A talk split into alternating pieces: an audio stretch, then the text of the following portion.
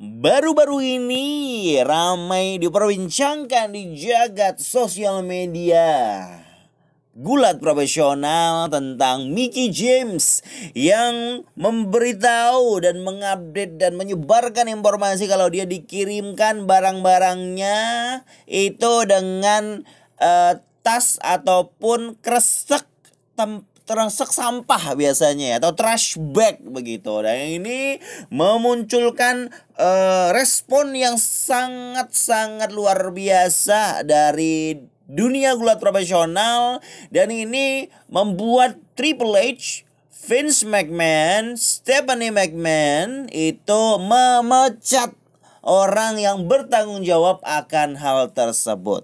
Kita akan bahas selengkapnya di podcast suka gulat. Podcast-podcast suka-suka gulat-gulat. Dan juga informasi-informasi lainnya di antaranya informasi uh, kabar dari beberapa pegulat yang sudah dilepas oleh WWE di Black Thursday kemarin ya. Thursday gak sih? Ya benar Thursday. Dan juga klarifikasi dari Undertaker terhadap uh, pernyataannya yang dia pernah bilang kalau produknya WWE saat ini sangat soft Atau lembut atau lemes begitu ya. Dan juga kabar sedikit tentang tanggapannya Ciempang tentang eh, programnya WWE. Eh, terus juga ada tentang Charlotte, Daniel Bryan dan lain sebagainya. Terima kasih buat teman-teman yang selalu mendengarkan podcast Suka Gulat episode demi episodenya. Saya melihat peningkatan ya di beberapa revenue, oh revenue di uh, tingkat play dari uh, podcast ini. Mudah-mudahan bisa terus berkembang dan membuat saya lebih semangat untuk membuat podcast-podcast selanjutnya. Di bulan puasanya kayaknya memang uh, cukup jarang saya mengupdate kenapa tidak sesering sebelumnya karena memang lagi puasa. Jadi untuk menghemat uh, waktu atau uh, untuk ya gitulah pokoknya. Informasi pertama kita bahas ya sedikit tentang uh, yang lagi ramai diperbincangkan. Di mana Mickey James yang bisa dibilang salah satu ya memang memang salah satu ya salah satu dari pegulat yang dilepas ataupun dipecat oleh WWE pada saat uh, berbarengan dengan uh, beberapa pegulat lainnya itu dikirimkan semua barang-barang sisa dia yang ada di WWE beru berupa mungkin ada ya baju-bajunya yang ada di locker terus juga kayak aksesorisnya alat-alat makeupnya yang belum kebawa itu dikirimkan oleh WWE ke rumahnya memakai jasa pengiriman dan yang bikin mengagetkan adalah bentuknya ketika Mickey James foto posting di sosial medianya, fotonya itu ada kerdus begitu ya. Di dalam kerdusnya itu ada kresek sampah yang warna hitam yang biasa dipakai untuk buang sampah itu. Terus barang-barangnya dimasukin situ dalam kresek itu dimasukin lagi dalam kotak, ditutup di kotak uh, kerdus begitu ya. Dan ada uh, stiker notes yang tulisannya Mickey gitu ya. dan dari kita lihat bentuknya aja ini kayak bentuk orang ngirimin ya yang ngirimin barang-barang yang nggak penting gitu. Dan dan seperti disrespect tidak menghormati orang tersebut gitu. Ini jasa pengiriman yang saya beli online di Shopee pun lebih bagus daripada ini. Paling nggak ada bubble wrapnya gitu ya bubble wrapnya. Beda ya beda dong jelas.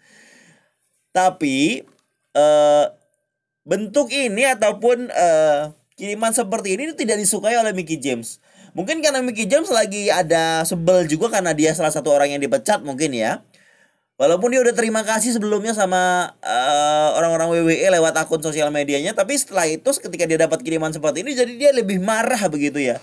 Sebel juga kok dapat kirimannya kok bentuknya seperti ini gitu. Kayak nggak menghargai banget. Kok berantakan seperti ini? Paling enggak ya dilipet gitu. Dikasih plastik yang satu baju dikasih plastik ya kayaknya lebih rapi gitu lah kayak kayak kayak ngasih orang uh, kayak gini loh. Kayak orang yang kalau uh, lagi marahan gitu uh, lagi marahan di satu rumah orangnya dikeluarin dari rumah pergi kamu sana. Terus barang-barangnya dilemparin gitu kurang lebih seperti itu ya. Dan ini yang membuat Mickey James geram dengan hal tersebut. Akhirnya dia posting dia tag lah ke Ed Vince McMahon dan Ed WWE Dan ini langsung membuat respon Bapak Triple H, uh, Ibu Vin, uh, Stephanie McMahon dan uh, sudah men-take immediate action, langsung mem, uh, apa melakukan sebuah tindakan yang tepat ya yaitu adalah memecat orang yang tanggung jawab, yang bertanggung jawab akan hal tersebut. Orang tersebut adalah orang yang bernama siapa tadi namanya? Mark Canaro, Mark Canaro ya. Jadi Mark Canaro, Canaro lagi Carano apa Canaro ya? Ya gitulah pokoknya. Dia adalah Senior Director of Talent. Dia dia seperti ya ya pejabat senior, pejabat yang ya udah lama di WWE itu. Dia udah menempati peja, uh, posisi ini karena dia udah lama gitu. Sebelumnya dia mungkin pegawai-pegawai biasa. Dan orang ini dipecat oleh WWE. Karena dengan postingannya Mickey James itu ya WWE malu dong. Eh ternyata eh ternyata ada beberapa pegulat wanita lainnya diperlakukan sama, dikirimin barang-barangnya pakai trash bag, pakai kresek hitam buat sampah. Jadi yang kita ketahui nih, yang yang saya ketahui dari Dave Meltzer, Wrestling Observer, yang mengaku kalau dia dikirim kayak gitu belum ini nih ini nggak termasuk yang nggak ngaku ya, yang termasuk termasuk yang nggak bilang ya dia mengaku dan mengazarin eh, beberapa cewek ini mengaku beberapa pegulat wanita yang dipecat ini mengaku kalau dia dikirimin sama seperti itu juga barang-barangnya. Jadi orang-orang itu adalah Jillian Hall. Ini yang jadi ini uh, announcer ya yang Ladies and gentlemen, itu cewek itu dulu ya, sempat ada di situ. Terus Maria Kanelis yang sempat uh, punya uh, storyline hamil itu ya. Terus Gail Kim ini legend lama banget ini, udah lama juga di TNA ya yang cerita dan dan merespon kalau dia juga digituin pada saat dikeluarkan oleh WWE.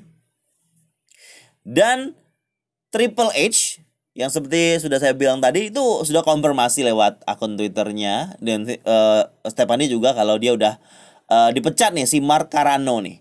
Dan ini uh, seorang pegawai yang sudah lama sekali di WWE ya. Gail Kim ini ini dipecatnya udah lama banget nih Nah Markanaro juga tanggung jawab dia yang mencat apa dia yang responsibel terhadap hal itu gitu loh. Dan Fightful Select juga mengabarkan kalau John Laurinaitis yang kita bahas waktu itu yang yang punya tanggung jawab memecat beberapa orang di Black Thursday kemarin itu menunjuk ataupun uh, bilang ini loh yang yang yang bikin yang yang bertanggung jawab terhadap kiriman tersebut dan minta si John Laurinaitis minta si Karano ini minta maaf terhadap apa yang sudah terjadi. Tapi mungkin dia nggak sempat minta maaf atau mungkin sudah sudah, minta maaf tapi tetap aja WWE tegas. Kalau orang ini tidak sama tidak tidak satu visi dengan WWE membuat image-nya WWE jelek jadi pecat aja dong. Tidak ada THR tahun ini untuk anda Mark Carano. Waduh jadi ada satu orang uh, pegulat wanita yang cerita kepada Wrestling Observer-nya Delph Meltzer. Katanya barang barang-barang ini adalah barang-barang yang memang uh, ada di uh, WWE yang mana kayak drawersnya mereka atau lockernya mereka gitu loh. Jadi mereka memasukkan barang-barang di dalam lockernya mereka ini.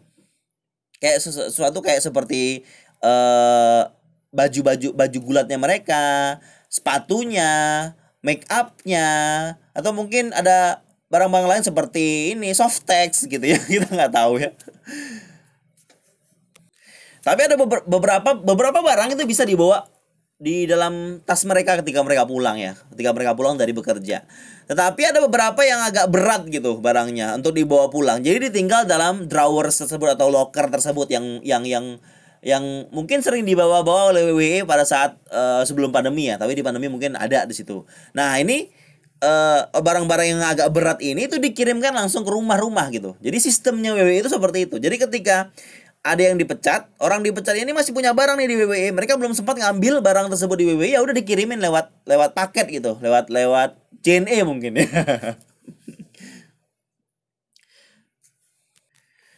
ada lagi yang yang yang bilang ini mungkin ada orang belakangnya dari Dave Meltzer ya katanya mere, uh, katanya uh, hal tersebut nggak bermaksud ataupun nggak yang jahat-jahat banget gitu loh tujuannya. Ya simple aja mereka mau ngirimin barangnya biar lebih gampang masukin masukin masukin ditutup aja pakai kardus udah selesai gitu loh. Jadi nggak ada kepikiran kalau ini nih mau disrespect ataupun tidak menghargai orang itu. Tapi mungkin karena masanya ini, ini lagi masa pandemi, lagi orang lagi pada susah begitu, dan mereka lagi pada dipecat, dan feeling feel mereka lagi nggak baik ini. Dengan dikirimkan bentuk seperti itu, ya mereka jadi marah. Salah satunya yang marah dan vokal dan berani ngomong menyebarkan hal tersebut adalah Mickey James orangnya. Mungkin ada yang sebelum-sebelumnya juga mendapatkan hal yang sama tapi mereka nggak berpikir kalau ini sesuatu yang jahat. Atau mereka pikir ini jahat memang tapi mereka nggak mau menghabiskan waktu untuk bergulat atau ber berjibaku dengan sosial media. Jadi ya udah biarin aja begitu. Nah, Mickey James orang yang berani speak up saat ini dan membuat efek yang sangat signifikan dan salah satu orang kehilangan pekerjaannya. Atau mungkin pendapat saya, Mark Carano ini memang yang bertanggung jawab akan hal tersebut.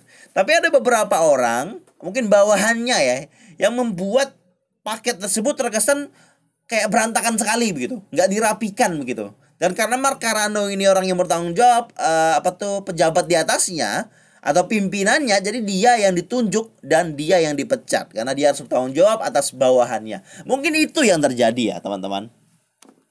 Jadi kita tahu nih, kalau uh, eh, WWE itu ya sebagus-bagusnya segede-gedenya sebuah perusahaan pasti ada orang-orang di dalamnya orang-orang bawah-bawah ini di dalamnya yang yang punya perilaku yang tidak baik. Punya perilaku ataupun hal yang membuat uh, pegawai ataupun talent-talent lain tidak nyaman.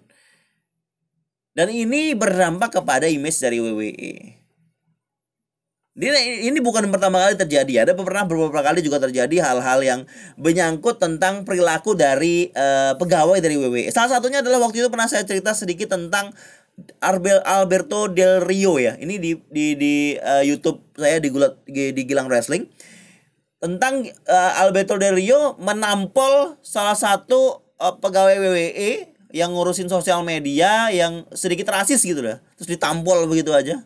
Nah, ini berdampak kepada karirnya Del, Del Rio yang yang yang dipecat. Dan akhirnya orang-orang tersebut juga setelah ini eh, tidak diperpanjang kontraknya setelah itu. Ya gitulah lebih kurang ya. Memang ada hal-hal tersebut terjadi di WWE dan semakin menguatkan si Mark Carano ini orangnya nggak orangnya nggak begitu yang ya orangnya orangnya jahat lah ya.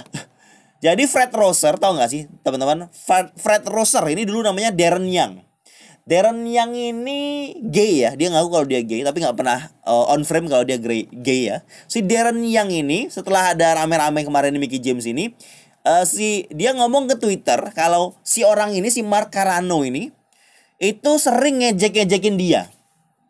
Ngolok-ngolok dia ketika si uh, Darren yang ini keluar dari WWE dipecat dari WWE si Mark Carano ini Mark Carano ini suka harass dia suka ngejekin dia begitu ya ini makin menguatkan kalau Markarano ini orangnya emang ya tidak baik ya. Kabar selanjutnya. Jadi ada sebuah rumor yang mengabarkan kalau Mojo Rawley yang jadi salah satu orang yang dipecat di Black Thursday kemarin itu sebenarnya sudah dipecat sejak bulan Maret guys. Ini dikabarkan oleh PW Insider Elite ya. Jadi Mojo Rawley itu sudah dipecat dari bulan Maret dan perusahaan ataupun WWE itu sudah eh, mengabarkannya pada saat berbarengan di eh, tanggal 15 April kemarin ya. Dan dari kabar tersebut si eh, Mojo Rawley update di Twitter kalau dia kira-kira akan bebas atau free di tanggal 31 Mei. Dan ini membuat kita berpikir berarti Mojo Rowling nggak dapet 90 day non compete clause ya yang sudah kita bahas kemarin di episode sebelumnya. Jadi maksudnya kalau kalau Mojo Rowling bener dia dilepas di bulan Maret kemarin, Berarti tanggal 31 Mei dia itu uh, sudah jadi free. Berarti dia punya ataupun dapat 90 day non compete clause ini pas waktunya gitu. Dan rumor ini dipatahkan sendiri oleh Mojo Rawley soal dia katanya dipecat sejak bulan Maret. Karena dia bilang kalau dia bakal free di tanggal 31 Mei. Dan dia konfirmasi memang uh, rilis dia ataupun pemecatannya dia itu ada di tanggal 15 April bersama dengan teman-temannya yang lain. Dan dia bilang dia uh, bisa bebas di tanggal 31 Mei itu kemungkinan dia nggak dapat 90 day non compete clause tersebut. Nggak sama sama teman-temannya yang lain. Mungkin dia nggak 90 day mungkin dia mungkin uh, setengahnya. Cuma uh, 45 hari mungkin gitu ya. Nggak tahu juga. Tapi yang jelas dia konfirmasi. Kalau dia akan ada di next chapter atau chapter berikutnya dalam karirnya itu di tanggal 31 Mei. Kita harus tahu nih, kita harus cari tahu nih. Nanti dalam ya awal Juni nanti kita jadi tahu, kita harus tahu kalau Mojo Rawley itu akan bergerak ke mana? Ataukah dia akan bergerak ke All Elite Wrestling? Ataukah dia ke Impact?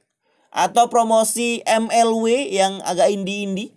Atau bahkan kembali ke uh, eh, NFL, American Football? Saya tidak peduli ya. Karena tidak begitu uh, ngefan dengan Mojo Rawley ya dan attitude-nya dan dan karakternya dan lain sebagainya. Tapi yang jelas buat teman-teman yang pengen lebih tahu lebih lanjut nanti ya di awal Juni kita lihat akan ke mana ini si Mojo Rawley. Next chapter yang dia masuk dia akan menjadi pegulat lagi kah? Tetap menjadi pegulat gitu? Atau dia akan kembali ke jadi menjadi seorang atlet American football? Atau jadi youtuber? Gak tahu. Kabar lagi selanjutnya datang dari seorang talent yang dilepas juga dari WWE kemarin. Itu adalah Kalisto. Sebelum Kalisto lepas, kita tahu kalau dia eh, menjadi salah satu member di Lucha House Party. Dan akhirnya dia membelot ataupun turn heel keluar dari Lucha House Party. Setelah itu selesai. Si Kalisto tidak ada dapat apa-apa, tidak ada rencana apa-apa, tidak akan ke mana-mana begitu. Bahkan kompetisi ataupun match dia yang bukan Battle Royale itu terakhir di Clash of Champions 2020 last September, bulan September lalu. Sangat-sangat ya cukup lama ya. Dia nggak begitu up lagi di WWE. Jadi diceritakan oleh Dave Meltzer lagi nih, lagi-lagi dari Wrestling Observer Newsletter. Kalau Kalisto ini sebenarnya tidak begitu happy, tidak bahagia dengan uh, statusnya Lucha House Party menjadi apa low carder, menjadi ya sekedar jokes aja gitu loh di episode-episodenya WWE. Dan dia minta kalau dia mau keluar dari Lucha House Party beberapa kali. Tapi banyak sekali permintaan itu di ditolak oleh WWE. Jadi uh, ketika Lince Dorado sama Grand Metalik uh, membernya Chaos Party itu memutuskan untuk diputuskan untuk menjadi duo aja, ini membuat uh, Kalisto uh, ingin tetap keluar dan akhirnya WWE ya udahlah keluar gitu. Tanpa ada rencana apa-apa. Jadi Kalisto ini pengen keluar sejak lama karena dia nggak suka dengan statusnya Lucha House Party itu yang cuma jadi eh, guyonan-guyonan semata gitu loh di uh, storyline. Jadi dia pengen keluar, ya udah WWE akhirnya setelah ditolak beberapa kali akhirnya dia terima, ya udah keluar. Tapi nggak ada rencana buat Anda sebagai solois, sebagai pegulat single gitu. Ya udah, kita tahu Kalisto ini baik uh, bagus banget ini performanya talentanya yang luar biasa tapi karena WWE nggak punya spot untuk dia akhirnya dia nggak kepake Memang orang-orang yang suka vokal kayak gini biasanya WWE nggak suka ya. Ya udah kamu dirumahkan aja begitu. Dan akhirnya ya kita tahu Kalisto menjadi salah satu yang dipecat. Dan kita tunggu aja sampai 90 day non compete clause selesai ya. Dan uh, si Kalisto bisa kembali bergulat lagi menunjukkan tajinya, menunjukkan performanya yang luar biasa. Kalisto lawan Ray Phoenix keren banget pasti ya. kita tunggu aja. Siapa tahu Kalisto akan masuk ke perusahaan ataupun brand gulat yang bisa mempertemukannya dengan Ray Phoenix. Waduh. Ray Phoenix by the way salah satu favorit saya. Kabar selanjutnya datang dari Chris Jericho yang mereveal, yang mengungkapkan tentang uh, apa yang uh, Vince McMahon dan Tony Khan bilang kepada dirinya, yang katakan kepada dirinya sebelum Broken School Session di uh, rekam ataupun juga ditayangkan. Jadi Chris Jericho bilang dari Digital Spy ya, kalau uh, Vince McMahon itu percaya kepada Chris Jericho sama Steve Austin, mereka nggak akan uh, ngobrolin soal ya dalam tanda kutip mempromokan promosi gulat lain nggak. Jadi uh, Vince McMahon sudah dari awal tuh sudah percaya dengan apa yang akan dilakukan Chris Jericho, percaya dengan Steve Austin, mereka akan ngobrol sedemikian rupa yang yang tidak memang menuju ataupun menjelek-jelekan WWE. Memang benar dari episode dari obrolannya nggak ada yang sama sekali menjelek-jelekan. Si Chris Jericho terkesan sangat positif di sini ya. Dia menceritakan nggak nggak kayak dia di podcast lain. Di podcast lain dia tuh kayak ya mencecar-cecar kalau WWE gini WWE gini. Tapi kalau di sini di di di programnya WWE sendiri ya dia kayak lebih positif gitu. Auranya tuh lebih lebih lebih baik gitu loh kesannya itu. Dan uh, si Tony Khan pun itu memang sudah merasa cukup ya ya alhamdulillah ya alhamdulillah. Ya senang senang aja tentang apa yang sudah uh, yang yang diajukan oleh Jericho untuk masuk ke WWE ya jelas lah ya Wrestling jadi dapat promosi gratis di situ. Ya nggak gratis gratis amat lah. Pokoknya dapat promosi besar di salah satu platformnya WWE dan ini mengefek kurang lebih ke ratingnya Elite Wrestling setelah itu. Membuat ratingnya jadi satu juta terus ya. Dua episode belakangan ini setelah uh, WrestleMania setelah episodenya Chris Jericho sama Steve Austin di Broken Skull Session ini itu uh, penontonnya setelah tidak melawan NXT lagi menjadi satu juta lebih ke atas viewersnya. Ini luar biasa sangat menjanjikan untuk TNT TV ya. Dan uh, memang dari awal si Chris Jericho sama Steve Austin berencana ya tidak begitu mengomongkan ataupun membicarakan lebih detail terkait All Wrestling. Ini lebih ke karirnya Chris Jericho menurut saya ya dan dari awal sejak awal pembicaraan di episode tersebut kita sudah bahas juga, mereka langsung ngomongin All Wrestling sejak awal. Steve Austin langsung nanya All Wrestling itu loh. Mungkin tujuannya biar penonton, waduh, langsung ngomongin All Wrestling di WWE, waduh gitu loh. Tapi setelah itu ya mereka ngomongin karirnya Chris Jericho dari awal. Terus di akhir sedikit lagi All Wrestling karena memang itu uh, saat ini karirnya Chris Jericho saat ini begitu posisinya. Nah yang jelas uh, dari sini kita tahu kalau uh, memang Vince McMahon dan Tony Khan itu sudah menyetujui dan sudah memberkahi memberkati acara ini The Broken Skull Sessions. Tidak ada penyesalan mungkin dari Vince McMahon ataupun jelas dari Tony Khan. Mereka asik-asik aja. Episodenya bagus-bagus saja dan pastinya akan uh, menambah viewer banyak untuk uh, platform streaming barunya WWE Peacock TV. Kita lanjut dari kabar yang mengabarkan ataupun uh, menceritakan terkait tentang uh, klarifikasi dari Undertaker yang pernah bilang kalau produknya WWE itu lemes atau soft begitu ya. Ini percakapan interview tersebut terjadi pada saat uh, Undertaker datang ke Joe Rogan Experience. Ini podcastnya Deddy Corbuzier tapi versi luar negeri. bukan bukan. Jadi dari dari Corbuzier yang meniru ini ya si Joe Rogan Experience ini pernah bilang kalau WWE produk saat ini soft gitu. Dan Undertaker itu uh, sudah mengkonfirmasi ataupun mengklarifikasi hal tersebut. Yang isinya dia bilang kalau maksud dia bicara kalau saat ini soft itu bukan berarti dia ngejekin ataupun ya membuat bertujuan untuk menjatuhkan talent-talent yang sekarang gitu.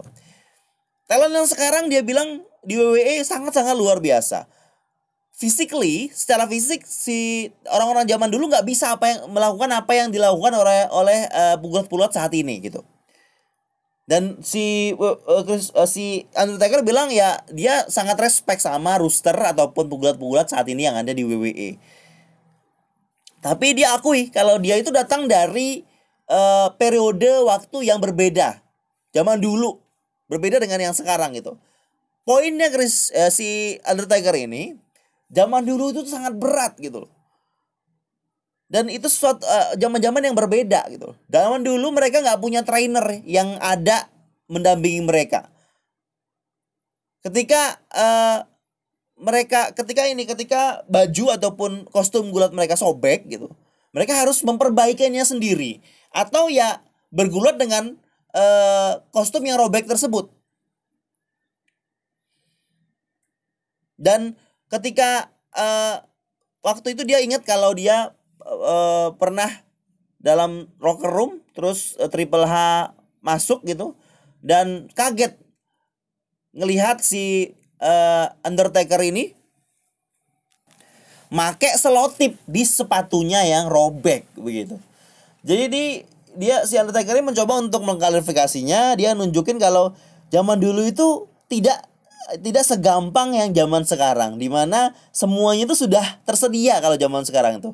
Orang yang ngurusin kostum sudah ada. Orang yang ngurusin uh, kalau misalnya ngasih saran kalau gerakan-gerakan seperti ini ngelatih-ngelatih pada saat di event itu ada. Dulu nggak ada begitu. Itu yang membuat si Undertaker mungkin berpendapat kalau zaman sekarang ini kayak kayak lebih gampang begitu ya hidupnya sebagai uh, rooster dari WWE ya cukup logis ya tapi mungkin karena pendapatnya di awal dia bilang kalau soft itu membuat banyak pegulat-pegulat WWE yang tidak terima dibilang soft gitu.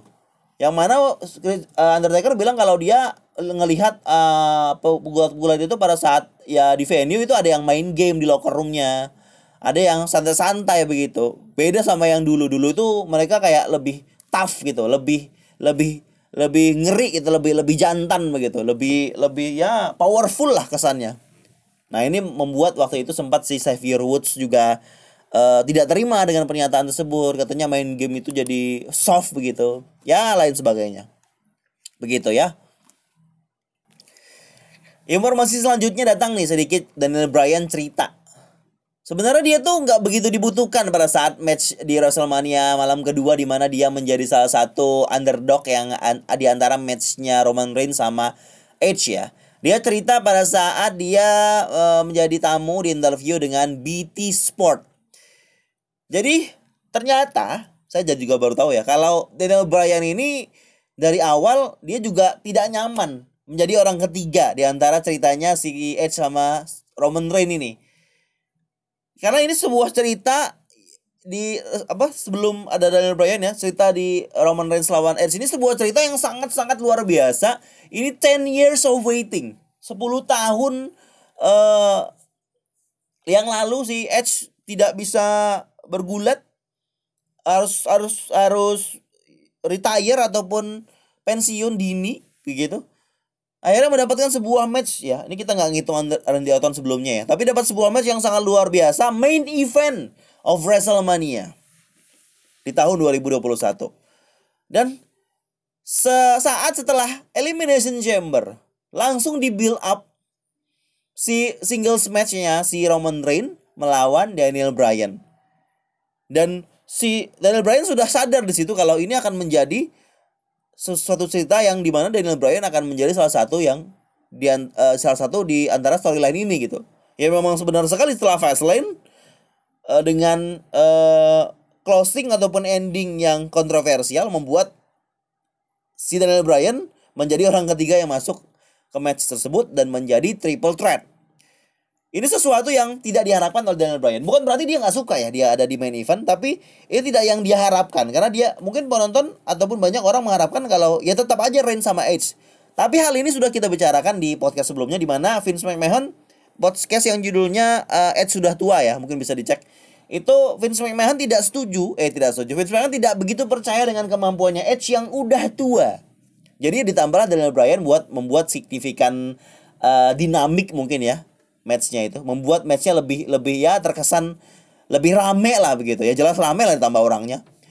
Ini berbeda perasaannya dengan apa yang dirasakan oleh Daniel Bryan pada saat di main event WrestleMania 30 di mana dia melawan uh, De, uh, Randy Orton sama uh, si Batista. Karena feelingnya tahun lalu itu waktu itu katanya uh, penonton ya ya lagi hype-hype-nya sama Daniel Bryan yang memang memang mencirs ataupun mendukung sekali Daniel Bryan pada saat itu. Ini beda banget ya sama yang tahun sekarang. Yang tahun sekarang yang dia reign sama Edge sama Daniel Bryan, ini kan tahunnya si Edge harusnya.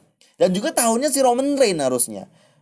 sebenarnya nggak butuh Daniel Bryan di situ tapi keputusannya ya seperti kita ketahui ya Bapak Vince McMahon terserah dia lah ya ya akhirnya ya Daniel Bryan ya suka nggak suka harus setuju begitu ternyata saya juga baru tahu nih baru baca soalnya Dan tadi saya menjanjikan ada informasi tentang si Empang tapi kayaknya sepertinya tidak begitu uh, menarik ya. Ya udahlah, kita selesaikan saja episode podcast suka gulat di uh, hari ini. Terima kasih buat teman-teman yang sudah mendengarkan hingga akhir. Dengarkan terus, pantengin terus podcast suka gulat di Spotify dan juga beberapa tempat podcast lainnya.